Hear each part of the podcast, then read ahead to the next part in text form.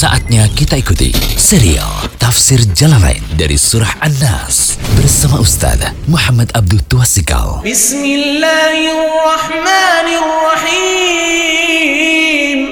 Qul a'udzu birabbin nas, malikin nas, ilahin nas, min syarril waswasil khannas, yuwaswisu fi sudurin nas, min al-jinnati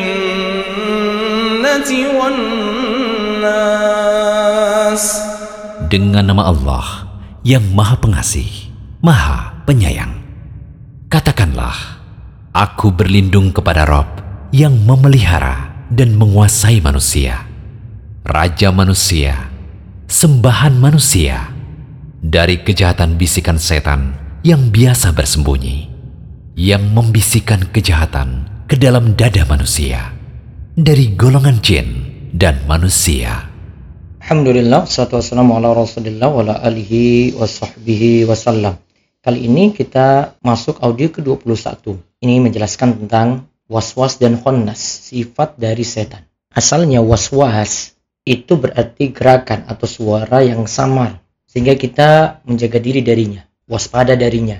Waswas adalah suatu godaan, gangguan yang masuk dalam jiwa, bisa jadi dengan suara yang samar, yang hanya didengar oleh orang yang digoda bisa jadi pula tanpa suara seperti saat setan menggoda manusia. Contoh misalnya gini, setan itu kan tanpa memberikan suara, tapi kita sudah mulai bingung ini tiga rokaat atau empat rokaat dalam sholat. Nah itu tanpa suara tuh. Ada yang berupa bisikan, ada bisikan sesuatu gitu, ya ada suara sesuatu. Gitu. Nah ini was-was ada dari manusia juga seperti itu.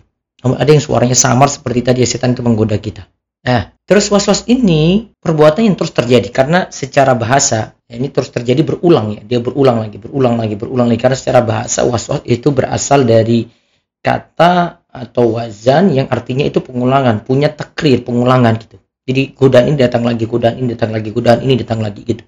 Dan begitu dekat dengan yang menggoda. Misalnya, was-was itu terjadi karena begitu dekat dengan telinga manusia yang menggoda, dia bisikan, ayo jalan gitu. Karena dekat Waswasnya terjadi karena begitu dekat dengan telinga manusia yang menggoda.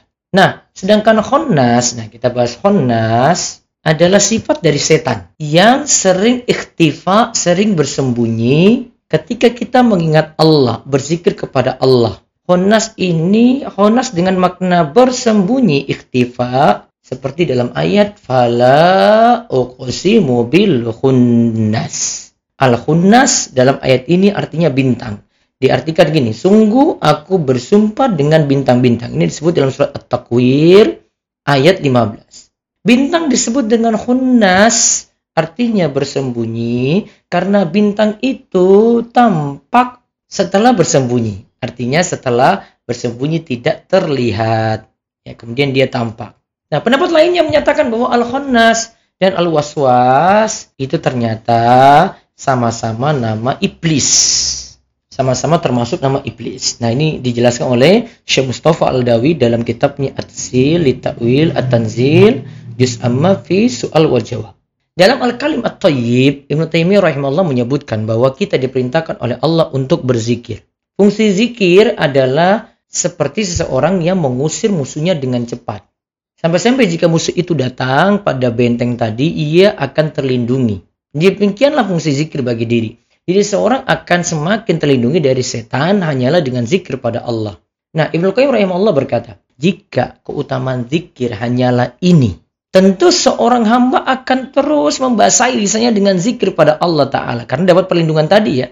Dan terus teguh dengan zikir tersebut. Karena yang dapat melindunginya dari musuh yaitu setan hanyalah dengan zikir. Musuhnya pun baru bisa menyerang ketika ia lalai dari zikir. Musuh tersebut baru akan menangkap dan memburunya ketika ia lalai dari zikir. Namun, jika dirinya disibukkan dengan zikir pada Allah, musuh tersebut akan bersembunyi menjadi kerdil dan hina. Sampai-sampai ia seperti burung pipit atau seperti lalat. Binatang kecil yang tak lagi menakutkan.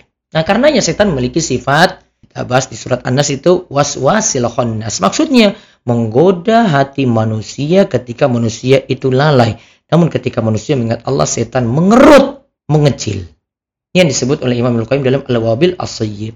Ibnu Abbas radhiyallahu anhu berkata, "Asy-syaitan jasa ma'ala qalbi ibni Adam fa idza saha wa ghafala waswasa fa idza Allah taala qannasa." Setan itu mendekam pada hati manusia. Jika ia luput dan lalai, setan menggodanya. Jika ia mengingat Allah, setan akan bersembunyi. Di sini riwayat Ibnu Abi Syaibah dalam Al-Musannaf Abdiya dalam Al-Mukhtar dengan sanad yang sahih.